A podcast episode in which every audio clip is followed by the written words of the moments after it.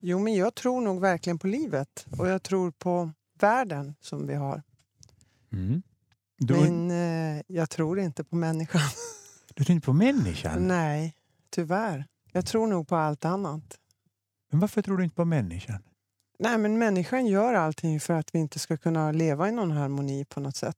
Allting är konstruktioner och vi till och med säger oss ha tro, tro på någonting och sen gör vi det till dogmer och gör det till ett regelverk som man ska förhålla sig till. Och det är människan som krigar och det är människan som dödar. Det är människan som skapar, det är människan som dansar. Så är det, ja. Absolut. Men det handlar inte om tro. Det handlar om livet och livet, det tror jag på. Ja, Nu är vi tillbaka. Du undviker Gud, hör jag här.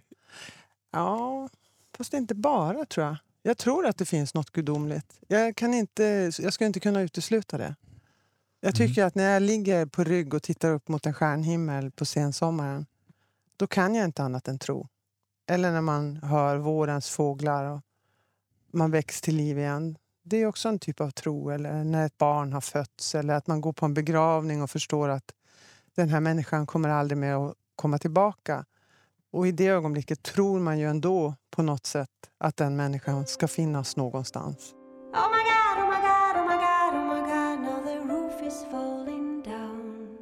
Vår gäst idag är eh, konstnären Karin Mamma Andersson. Andersson. Och Mark, varför är hon vår gäst idag?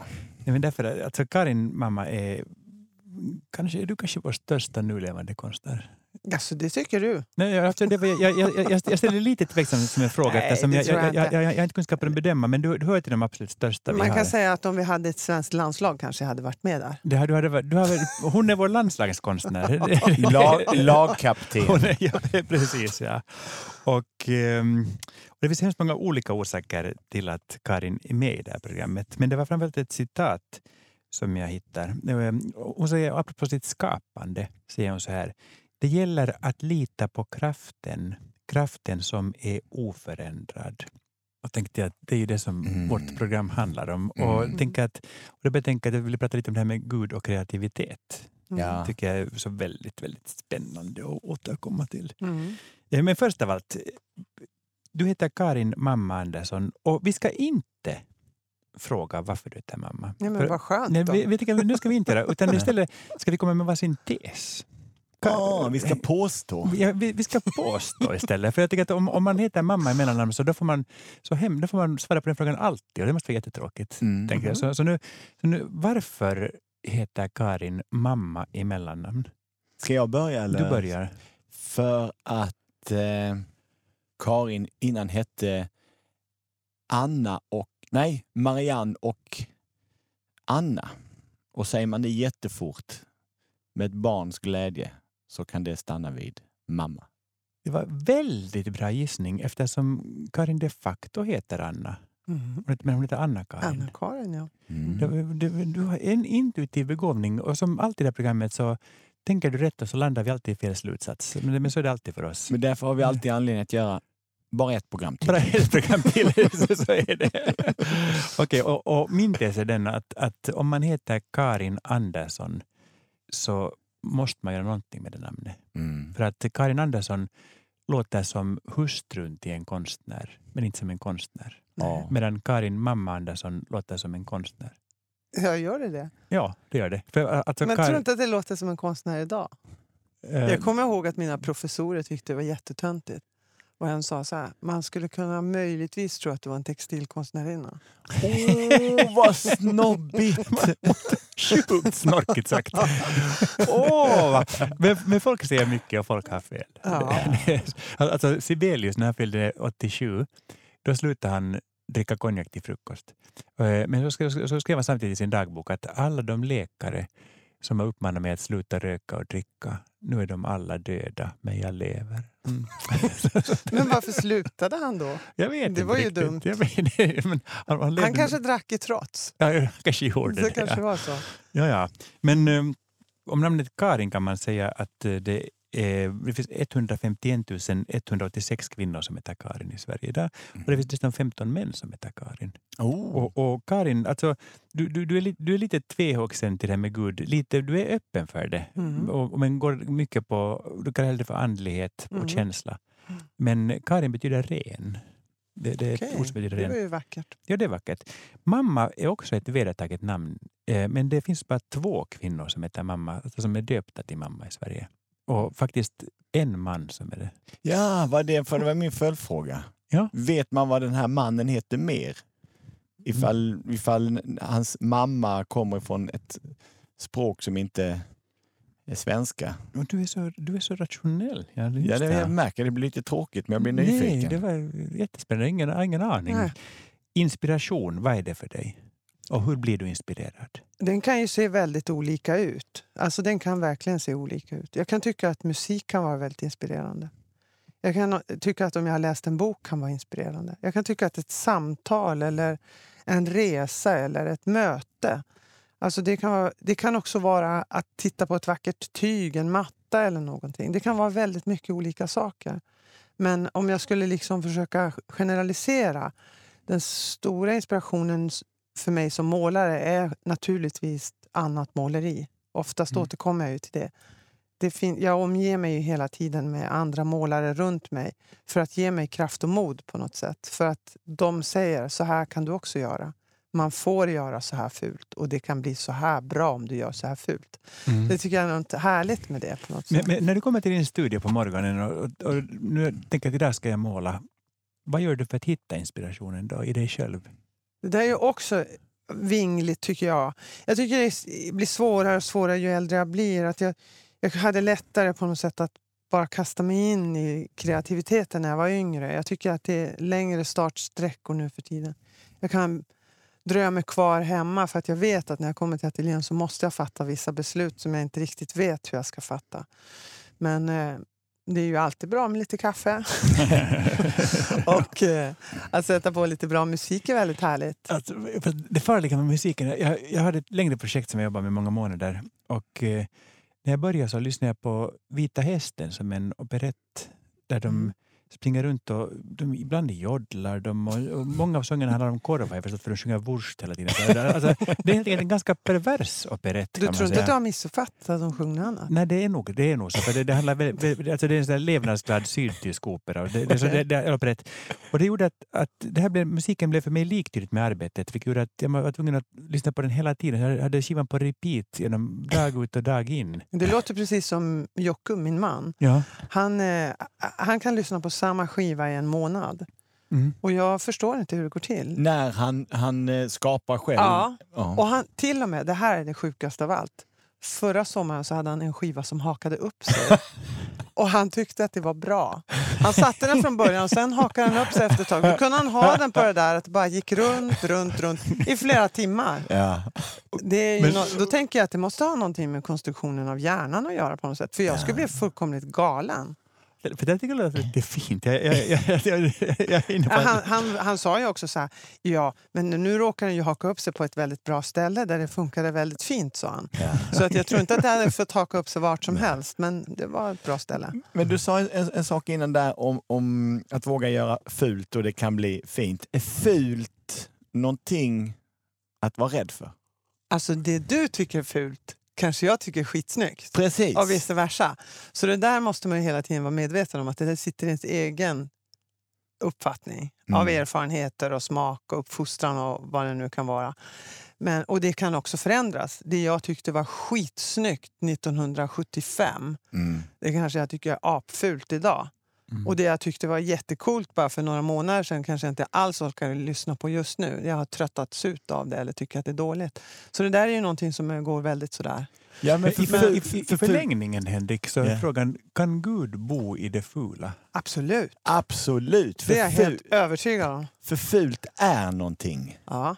Och jag tror att I, det, I det fula blir det också något sorgligt och eh, man blir ju väldigt tagen av det också. Ja, men för det är något, exakt. Mm. Och jag känner att vi är väldigt mycket i den interaktiva tidevarvet vi lever i så väljer man ibland hellre ingenting. Mm. Vi uppskattar väldigt mycket en kompromiss. Eller vad skönt att vi blev överens betyder ju ofta att ingen egentligen är riktigt nöjd. Men det fula är åtminstone någonting. Mm. Och sen om det kanske är fult nu så kanske det är det som är grejen Mm. om tio år. Framförallt i, i popmusik så vill man gärna ha någonting som är lite skavigt och i allt Mm. annat så vill man ha Så något är som det är med lite mode skavigt. och allting Ja. egentligen. Men, men i det- Guds perspektiv så måste tio år vara ganska kort Ja, tid. som, Men- ett, a- som en andning kanske. Men, men, men jag tänker mer så här att, att i det fula, där finns ju sprickorna. Och sprickorna är väl en förutsättning för ett möte med Gud faktiskt. För, att- för, för att det perfekta är ju ändå ganska ointressant.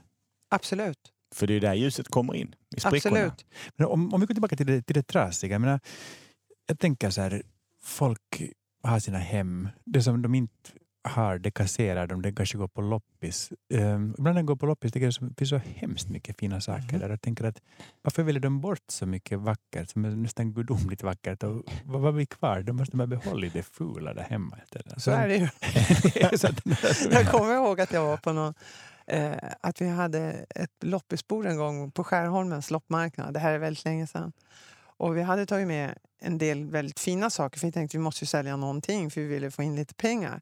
Och det var faktiskt bara de riktigt fula grejerna som vi sålde. ja, ja. eh, och de här fina grejerna som man egentligen kanske inte ville bli av med, de kunde vi ta hem igen. Det, men det var ju fantastiskt.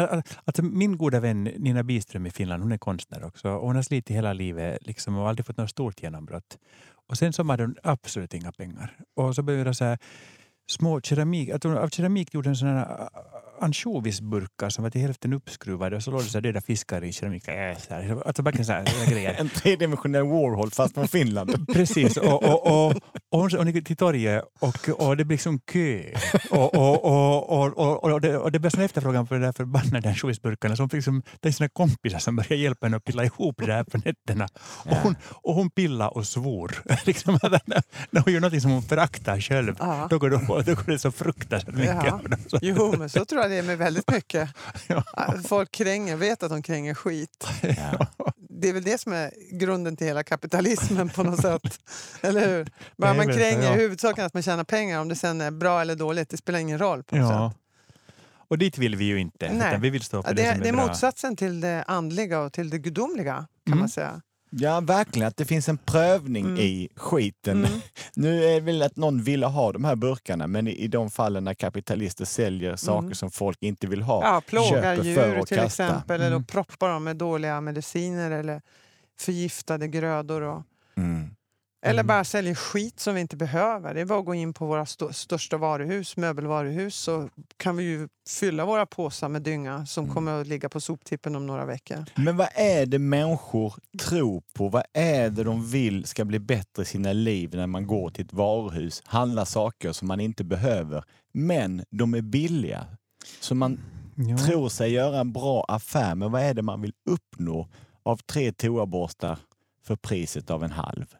Man kanske tänker att det svarta hålet blir lite mindre stort. Mm. Ja. Kanske.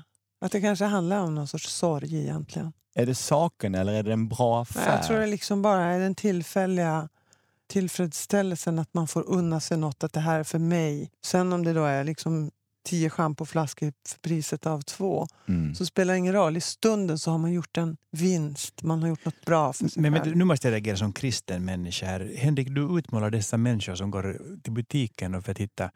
Det är ju oss du pratar om. Såklart, det är ju det jag det? Alltså det, det, det är klart att vi inte köper jättebilliga saker för vi har pengar. Men, men, men, men nu går vi till butiken, köper någonting och blir lite gladare.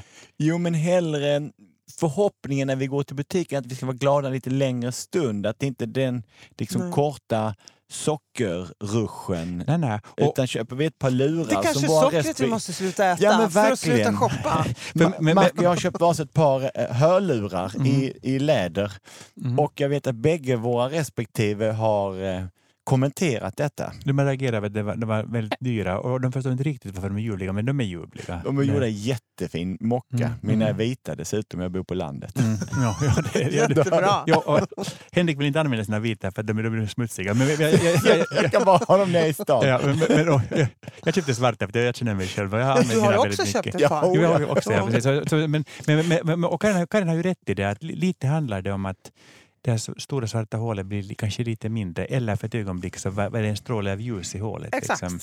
Exakt, så tror jag det är. Jag, jag, jag, jag, tycker att... eh, Alltså jag kan berätta en grej som jag ägnade mig åt under kanske en tioårsperiod. jag har berättat den för så många så är den är inte längre skamlig. Men jag tyckte den var skamlig. Det var inget jag pratade om då. Men när jag hade svårt att komma igång och jobba så... Jag har alltid varit i söderförort, har alltid haft ateljéerna i söderförort. Då brukade jag ta bilen. För jag har alltid haft bil dessutom. Jag älskar att köra bil. Då åkte jag till Skärholmen och gick på Myrorna där. De hade de största myrorna i Stockholm. Så gick jag runt där i någon timme. Det var liksom total avkoppling och inspiration för mig. Och det var någonting som bara jag fick göra. Det var som att gå på skattjakt. Så när jag hade varit där några timmar, då var jag hungrig. Då åkte jag till Ikea och så åt jag eh, lunch där. Och så gick jag runt lite och ögonshoppade i varuhuset och kanske köpte lite stearinljus eller någonting. Sen kände jag mig fullkomligt smutsig och då kunde jag åka till ateljén och jobba. Det här var ett sätt för mig att komma igång och jobba. Och jag tänker att det ligger väldigt nära det här med egentligen att folk åker till, ja vad heter det nu? Ullared. Ullared ja. Mm. Att jag tror egentligen inte att steget är så långt ifrån. Att det finns också, inte bara det här att man trycker igen någon sorts ångest med att unna sig något. Det finns också någonting i själva förnedringen. Ungefär som när man super sig full. Att man gör det fast man vet att man får bakfyllan och man vet att det inte är bra för en. Så kan man göra det för att det blir någon typ av psykisk rening också. Mm. Mm. Att få gå, gå ner sig. Och det kan, tror jag även att den här hysteriska shoppingen är för många. Att den liksom, nu kör vi så det ryker liksom. Och jag bränner hela månadslönen på det här. Men det finns något skönt i det. Jag, fan, jag köpte de där tapeterna, jag köpte de där mocka-hörlurarna. Ja, ja, nu, Liksom. nu får jag resning. Också. Ja, men, ja, kanske något sånt. Inte vet Ja. jag. Jag vet inte. Men jag kan tänka mig att det, det är egentligen ganska enkla, enkla orsaker till att vi gör si eller så. Men, men nu- nu är det här så otroligt spännande. Du gick alltså in på Ikea, du fönstershoppade, du köpte ljus och sen kände du dig smutsig och då kunde du börja jobba. Ja, för att då hade jag slösat bort nästan en hel dag. Och, och, då- Barnen var på dagis, min man jobbade och där hade jag gått omkring och bara förnöjt mig på, på myrorna. men men, men, men jobbar, jobbar du bättre när du kom i studion? Då? Såklart! I två veckor typ. Tills jag var tvungen att göra om processen igen. Så du måste gå ner dig? Det där ägnar jag mig inte åt längre. Jag behöver inte det. För Nej. nu bor jag på Söder. Det räcker ju med att gå från, från min bostad till min ateljé så, så förnedrar jag mig.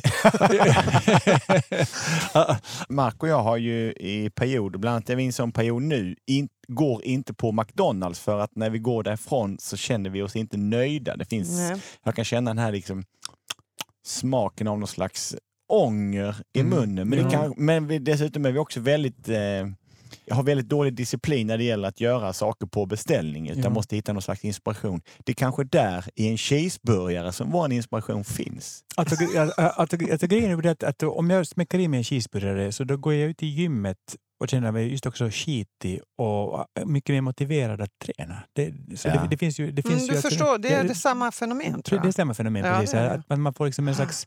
Att, att, genom att vara på botten så måste jag kravla mig upp, upp, upp mot ljuset igen. Mm. Liksom. Men apropå det.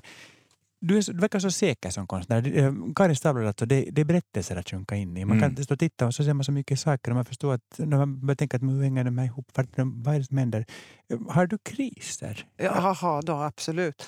Nej, alltså det ser nog enklare ut än vad det är. Det är Mm. ganska jobbiga processer egentligen. Eftersom jag aldrig vet vart jag ska åka på något sätt. Det känns som att jag går ut, för varje liksom utställningsperiod så känns det som att jag går ut i en jättestor skog. Men jag har ingen karta, jag har ingen kompass. Utan jag får bara liksom gå på någon sorts känsla. Någon sorts inre karta i huvudet. Och ibland går jag så fruktansvärt fel.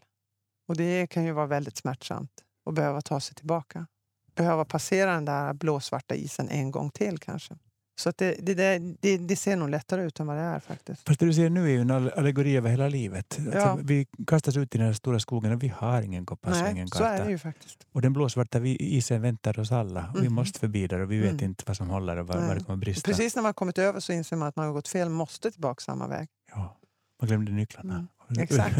Det kan vara värre saker än så också. men, men, men, men, men det kan jag tycka, så när det kommer till kriser av alla slag. Att det, och framförallt i arbete, där tycker jag att åren har spelat roll. Att, att idag, Mm. idag så sköter man sina kriser mycket mer proffsigt och man vet också att de är en oundviklig del. Mm. Alltså de är till och med en viktig del Mm. av en skapande Det håller jag med. Och att man inte har kriser när man har andra viktiga saker för sig. Utan de får komma i, i mellanperioderna. Ja, man kan faktiskt nästan skjuta upp ja, någonting Efter också. en utställning, efter en Ja. produktion eller Mm. efter... Mm. Ja. Men, men, men däremot, däremot så måste de komma. För, för de som inte går över den blåsvarta isen, de tappar faktiskt helt riktningen småningom. Eller Mm. framförallt tappar de... Ja, de kommer aldrig hitta- hem, tror jag. Nej, det är väl också om man tror på någon slags lycka som konstant tillstånd. Så det enda som är säkert är väl att man kommer bli väldigt besviken. Mm, gång efter annan, ja. Ja. Jag kan ha jättesvårt att ta till mig så här patetiska Hollywood-berättelser till exempel. Jag, även om jag ser mig själv sitta och gråta så kan jag bli provocerad av att jag gråter. För att jag tycker att det här är inte djup på riktigt. Mm, Det finns djup och djup. mm, En del blir som en cheeseburgare. Mm. Att man liksom bara trycker i sig. Det är skitgott med att man äter den. Man är hungrig och man får det där feta och salta och söta i munnen. Och sen efteråt så känner man bara en fruktansvärd tomhet. Och det, då kan det ha varit otroligt starka känslor som man har berört. Och Det kan vara liksom, handla om holocaust eller jätteallvarliga saker. Men man gör det på ett sätt som inte är trovärdigt. Och det Mm. där är så svårt att prata om i ord. mm. Och det du ser som djupet i dig behöver inte vara djupet i mig. Det kan också vara väldigt olika. Ju- Och så därför precis. menar jag att jag, jag måste som konstnär vara så otroligt inne i min egen uppfattning och min egen värld och prata med mina andar och mina gudar. Jag kan inte tänka hur någon annan ska se på det. För då blir det inte det där. Men det är svårt Riktiga. att hålla sig till sitt. Den förbannade Jättesvårt. självcensurens stryptag runt halsen. Absolut. Det är ju bedrägligt. Mm. Och ibland tror man att man, att man liksom är ärlig mot sig själv, men man är inte det alls. Ja, och det värsta är om man har hört någon eller läst en recension eller någonting och börjar Mm. anamma vad någon annan har sagt och man tror att man är bra på någonting Mm. som man Precis. kanske inte är alls är Nej. duktig på. Exakt. Men jag, jag tror att våra djup är väldigt likadana. Däremot tror jag att vägen till våra djup är olika. Att Mm. somliga är som en brunn rakt ner i djupet. Och det, det tror jag att som konstnär måste man ju ha tillgång, man måste ha tillgång till det djupet rakt. Mm. Medan andra som jag, det går djupt men det vindlar sig på sina egna vägar. Liksom. Mm. Att, att det är som en grotta där de sju små dvärgarna har knackat fram, knackat fram olika Det- vägar. Det tycker jag liksom. låter jättebra. Ja, ja men, men, men, men, nu går det, men, men jag tror på djupet tror jag att vi alla möts i våra grundläggande frågor inför Det vår jag existens och, och ondskan och smärtan. Och, Det tror jag. Och modet, eller rätt sagt lusten att vilja nå Mm. sitt djup. Så att det går ju att hålla sig liksom flygande, flytande på cheeseburgare. Men du kommer ju liksom inte neråt på något Nej. sätt. Men cheeseburgaren är bara en, en bit på vägen. Ja, Mm. Den Men, ger en bara en dask i stjärten för att åka vidare på något sätt. så är det. Karin, du ska vara med också nästa vecka för att eh, det finns så mycket djup. Vi bara rafsar lite här men vi ska söka oss djupare och djupare. vi har inte ens börjat känns Men, det men, som. jag vet, men, men fast vi, måste, vi måste ha sämre gäster det här programmet. För- för- de, är så, de är så bra så vi liksom, kan vi inte ha någon riktigt tråkig någon Hur ska vi göra det? Vi kanske kan be lyssnande höra av sig. Med- med förslag på Du riktigt tänker att de är på tråkiga, tråkiga gäster.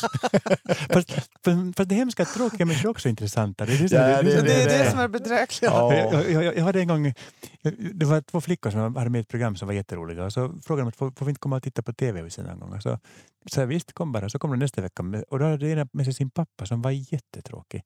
och, och han var så här, han var så här, liksom, han hade här grå, grå mustasch som var så här jätteful och som var så här jättegrå. Och så, så här gråa, ganska buskiga ögonbryn. Och Allt, allt var så här grått och jättedassigt. Och så, så här illasittande vindtygsjacka. Allt var så här, ja, det var så här. Och så visade runt dem där och, och, och sen när vi var färdiga så sa pappa så här, tack så mycket. Det var så här roligt har jag inte haft sen jag var med Josefin. Så, så, vilken Josefin? Josefin Baker. Jag var hennes kock i tio år.